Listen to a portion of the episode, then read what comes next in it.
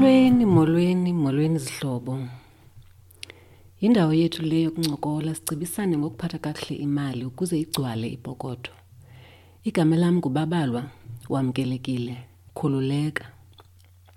Ndiyabulela bethuna kwabo basijoyina kwesibini ebebenathi kwi-episode yokuqala. Abafikayo okokuqala ndiyanamkela bethuna yindawo yethu sonke lena. Kwathi kwathi ngantsomi Oh kwakumnandi ngaloo maxesha siqokelelwa sizobaliselwa ngodyakalashe nomvuluvu okanye ufudwazana nomvundla kude kuthiwe hayi subalisa intsomi emini uzophuma iimpondo. Ngamanye amaxesha kude kube khona neengoma ezihamba nala. Uba ndikhumbula kakuhle ingathi yayikhona ethi ndizothi ginqi gonqo ndizothi ginqi gonqo ndizothi ginqi gonqo ginqi gonqo ginqi mhlawumbi ndilibele bahlali nindikhumbuze okanye nindikorekishe nindilungise. Kodwa ke inento yokwenza nantoni nale bethuna nento zepokotho ezi sithetha ngazo? Yini babalwa wazi usixelela iintsomi emini? Asizuphuma iimpondo. Ingenaphi intsomi epokothweni yam? Masizikhumbuze kaloku uba intsomi nganye ibinemfundiso yayo.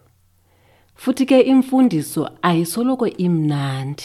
Noba lona ibali limnandi futhi noba linengoma ejayivisayo. So njengoba uhleli apho nje uyimamelele ncoko sizokwenza imizekelo ngeentsomi esithi sizibaliselwe ngabantu okanye thina sizibalisele ngokwethu malunga nemiba yemali neepokotho zethu. Uzothatha into yakho yokubhala ke nekomityi yakho yeti okanye nekofu. Uzinikele ngokwakho futhi intsingiselo yeentsomi owakhe wazixelelwa ngepokotho yakho okanye waxelwa ngomnye umntu. Noba ngubani na andizumbeka. Futhi uzozibhalela ngokwakho injongo okanye isifundo ebomini bakho ukuze ungasilibali ungasiphindi zihlobo zam intsomi yintsomi. Nokuba ke ezinye sasiya kukholelwa ukuba izilwanyana ziyakwazi uthetha kodwa zingakwazi uthetha. Siyazazi ngokuba sikhulile uba azikwazi uthetha izilwanyana imivundla namafutho mhlawumbi xa ndizicingela ndifuna ukuthi ezinye zeendlela esenza ngazo okanye esicinga ngazo ngemali apha ezipokothweni zethu zinokufana nale nto yobana ngokuya sasisebancinci sicinga umvundla nofudo ziyathetha zizitshomi mhlawumbi ngoku sesijonga sibona sijonge emva. Siyayazi uba oh kwakukhona isifundo sasisifundiswa not ukuba kanye kanye ziyathetha izilwanyana. So njengoba sincokola sikolu hambo lwethu lungene epokothweni ndifuna uyigcine engqondweni loo nto leyo uba ezinye izinto azirongwanga zonke okanye akukuba azilunganga kwade kwaphela. Into nayo funeka ngoku sifake enye indlela yokucinga ngezi zinto besicinga uba ziyinyaniso ukuba sifumanise uba um zazintsomi. Uzungayikhawulezisi ke le i-episode. Umane ucofa upause kancinci umane ucofa urewind kancinci kuba uzawuncokola nesiqu sakho. Futhi ungene epokothweni yakho uzithathele izifundo ngokwakho. Enye into endifuna ukuyitsho phambi uba ndiqale ngale mizekelo yeentsomi esizibalisela zona okanye sibaliselana ngazo ngemali kukuba uba kufuneka uzixolele kwezinye izinto funeka uzixolele kuba kaloku iyenzeka ngamanye amaxesha into yoba ube uzixelela intsomi ungaqondanga kodwa wena uba yintsomi luyizibalisela yona. Ucinga uba wenza into elungileyo. La mabali ke ambalwa endizawukwenza umzekelo ngawo namhlanje mhlawumbi akhona amanye ongathanda uba siphinde sincokole siqhekezelane ngawo kodwa ke ndizawucela uba usibhalele okanye undishiyele i-voice note phaa kwi-podcast site le yakwa-anchor FM okanye usibhalele phaa kwi-inbox yethu yakwaFacebook okanye yakwa-Instagram. Ithini ke intsomi yokuqala mna endikhe ndayiva abanye abantu bethetha ngayo? nake nayiva le intsomi ithi mna andinalo ixesha lokwenza ibhajethi ndihleli ndingenayo imali ndiyazazi uba ndinayo imali. yintoni ke ngoku ezondinceda ngayo uba ndiyibhale ibhajethi ndizibone uba andinayo imali nake nayiva le intsomi um mhlawumbi nimthetho wakho wayiva le ntsomi uthi omnye umbhali uJohn Maxwell ibhajethi ngumntu ebalisa ukuba uza kwenza ntoni na ngemali? Angalindi idiphele azibuza uba hayibo iyephi kanini imali yam? Xa sewubona iziliphu phaa zigcwele zipakishene kodwa ubuqonda uba andiyazi yazi uba iyephi le mali.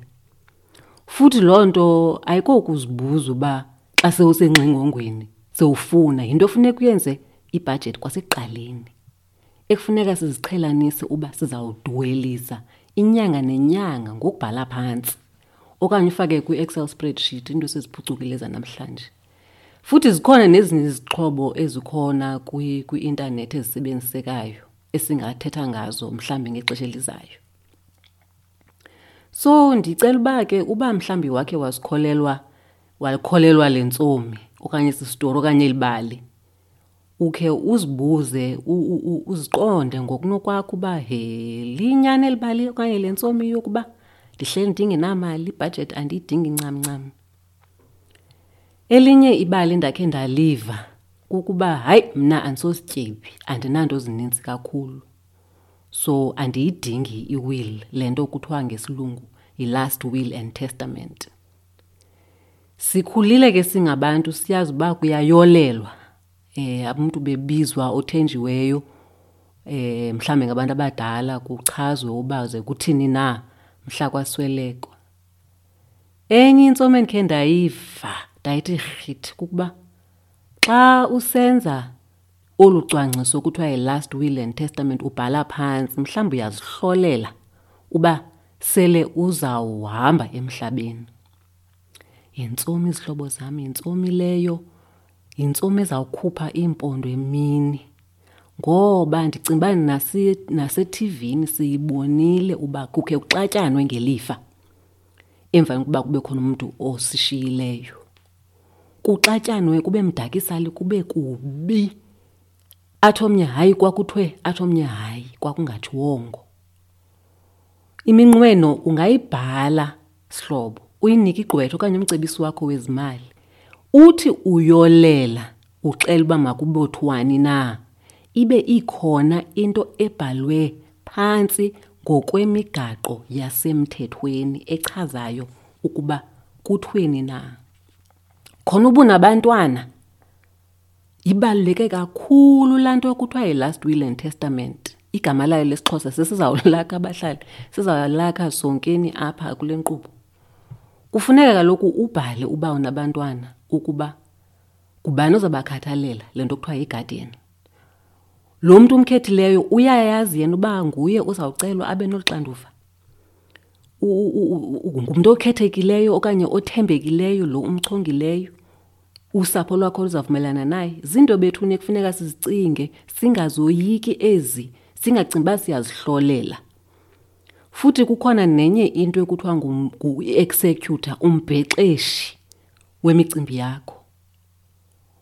Kukhona futhi neendleko singabuyela kwixesha elizayo singene ngakumbi siyithethe le nto ye-last will and testament. Kodwa okwangoku into endifuna uyigxininisa kukuba yintsomi ukuba sicinge ukuba asiyidingi ngenxa yoba mhlawumbi sizidelela izinto esinazo okanye esingenazo okanye sicinga uba siyezenzela ukuhlola sihlolela ukufa ukuba sithetha ngezi zinto. Akunjalongo akunjalongo zihlobo zam enye intsomi endakhe ndayiva okanye nam mhlawumbi ndakhe ndazixelela ngezinye imini yile ithi hayi ndazi ngohlobo olunye ukwenza imali. Andilwazi olunye okanye ndafundela into enye kuphela. Ufumanisa uba le ntsomi siye siyikholelwe ngoba kaloku kuye kwathiwa fundela into ethile esikolweni okanye ubuqeshwe kuloo nto. Okanye yiyo kuphela into oyaziyo. Ndicinga uba futhi naxa kufika kwiinto zemali sikhule imali ivalelwe ezibhankini ngencwadi. Amakhadi engekabikho kodwa siyakwazi ngoku ukutshintsha sisebenzisa amakhadi la eplastiki okanye ngexesha kwakudala kwakusiwa kwi-building society ngoku siye ezibhankini siya nakwezinye iindawo njalo njalo so into ethetha uba yintsomi le nto ithi inye kuphela indlela esingaziphilisa ngayo. Kuba kaloku xa sicinga noomakhulu bethu nootatomkhulu bethu bekuthi mhlawumbi phaa kudala xa utatomkhulu eyosebenza egoli okanye kwa-railway owam utatomkhulu kucala lakulotata wayesebenza kude kapa. Kodwa umakhulu wayeshiyeka ezazi uba akaxhomekekanga kulaa mali izawuthotywa kuphela. Njengokuba nathi ke kufuneka singazixhobekekisi kakhulu kule mali sithi ngumrholo kuba iinkampani ziyatshona zihlobo zam yonke le mihla. Funeka sicinge amanye amacebo. Umakhulu yena umakhonjwayo wayesenza amakhukho ewathengisa esenza nantoni na ukwenzela uba ayazi uba noba kungakhona mhlawumbi into eyenza uba ingafiki ngethuba le mali ithotyiweyo ayazi uba noko noko uyakwazi ukuba kwenzeke izinto apha ekhaya.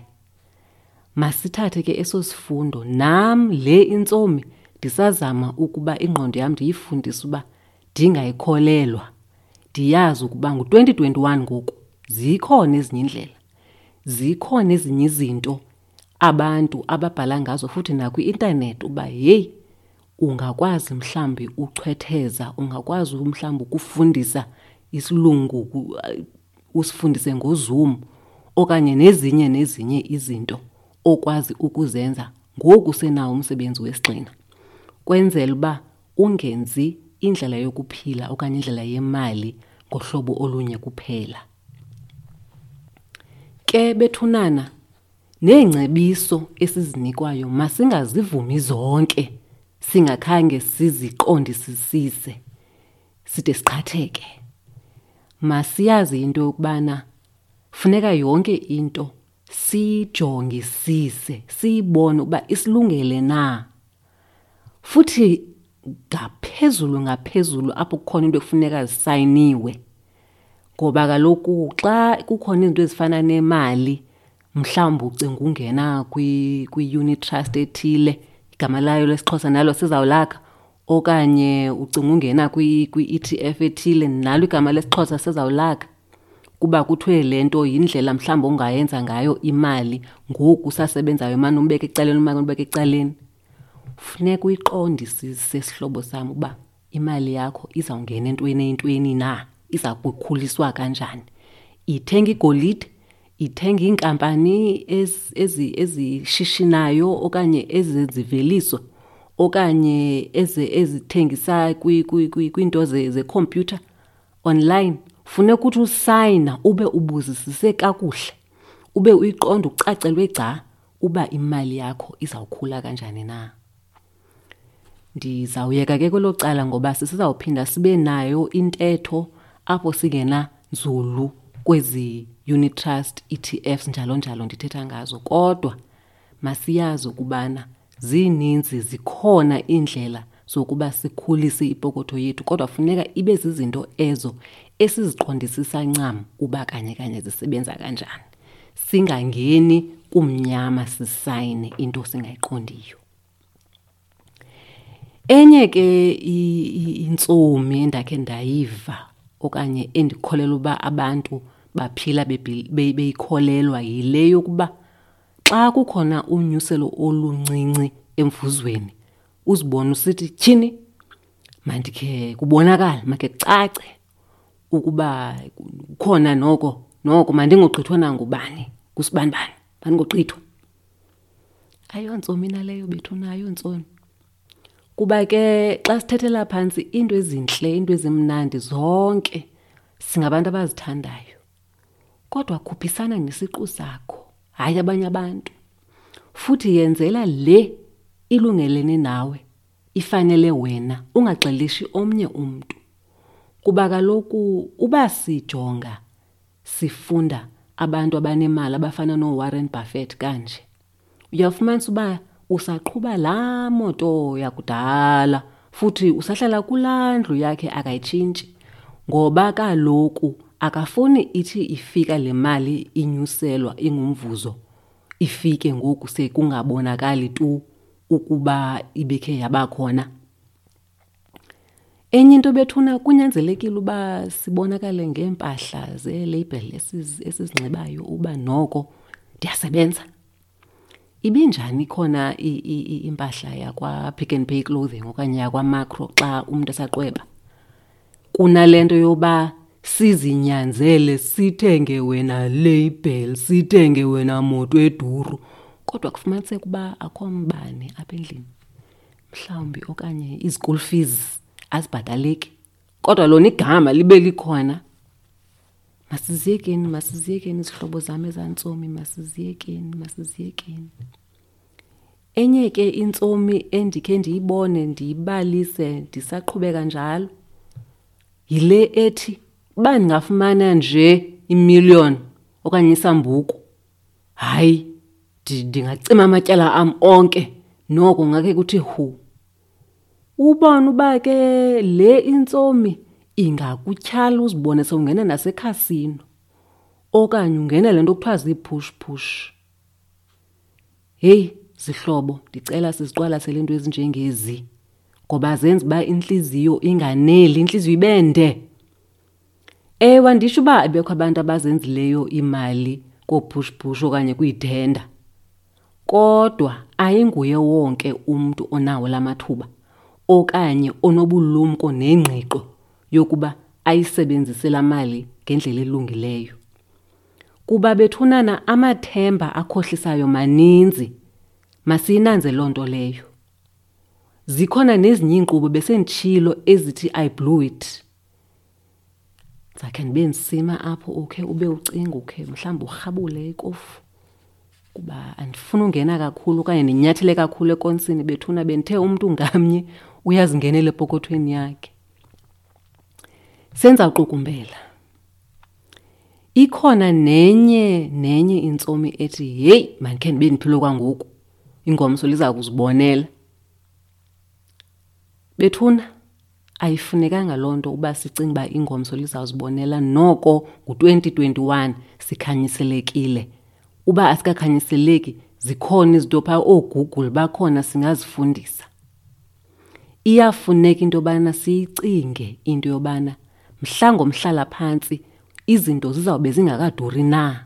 Mhlawumbi ufumanise uba into ngoku eyi-thousand rand ayizuba seyi-seven hundred rand okanye seyi-four hundred rand. Into leyo ethetha ubana xa kuphuma ezaa zitatement wena uphangelayo ezaa zitatement zepension funeka uziqwalaselisisise ungazifaki nje efayilini ubone uba ayikhona enye indlela onokuyenza yokuba ubeke amanye amasentana ecaleni. Wena ungasebenziyo. Ewe ikhona indodla. Apha emzantsi noko sisesenethamsanqa loba ibe khona indodla kodwa indodla iyonela bethuna. Futhi oorhulumente njengoba sibabona umhlaba wonke nje oorhulumente bexakeka. Ingabe bubulumko bethuna into yoba sikholelwe le ntsomi yobana hayi indodla izawuba khona? Imali yepeyi. Endaweni yoba ngoku sisenamathuba sizilungiselele sifake kwezinye nezinye ipokoto. Nditshilo bethuna ndathi sisizawubuya sithethe kabanzi singene nzulu kwezi zinto. Kodwa ndifuna ugxinisa into yobana noba uyaphangela okanye awuphangeli okanye uyaziphangelela uba kukhona indlela.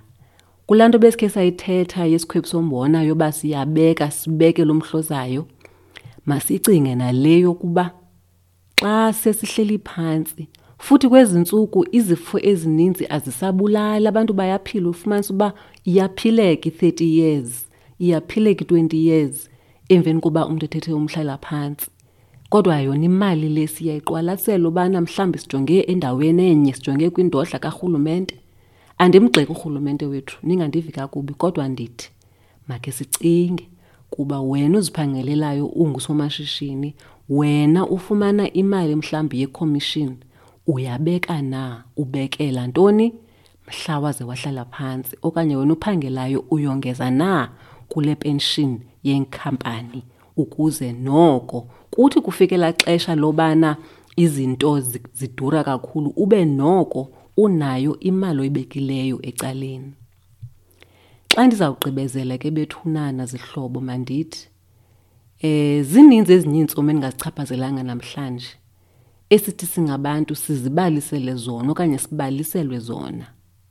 Mhlawumbi ungasibhalela utsho uba heyi bethuna andiqondi. Ingathi ndiyarhana ukuba le into yintsomi andiqinisekanga ndicela uba sikhe sikhe sincokole ngayo.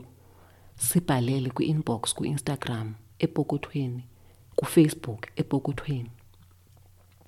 Eyona nto ibalulekileyo sihlobo ndicela uba wena nencwadi yakho ozibhalela kuyo ube uyazazi wena iintsomi wakhe waziva uzibaliselwa okanye wazikholelwa ngokwakho. Bhala ilisti yakho nezifundo zakho one by one ukwenzela uba uyazi into ongazuphinde ikwehlela apha ebomini. Ibalulekile laa nto uba uzixelele uba yazi into ethile ayisoze iphinde indehlele ebomini. Bendithe kwividiyo yethu sizawucinga kunye bethuna so ndiyakhuthaza kakhulu into yoba imibuzo kwanye nezinye izifundo ozifundileyo ndicela sibhalelane sizokwazi uncokola ngazo kwixesha elilandelayo. Nibe nexesha elimnandi sihlobo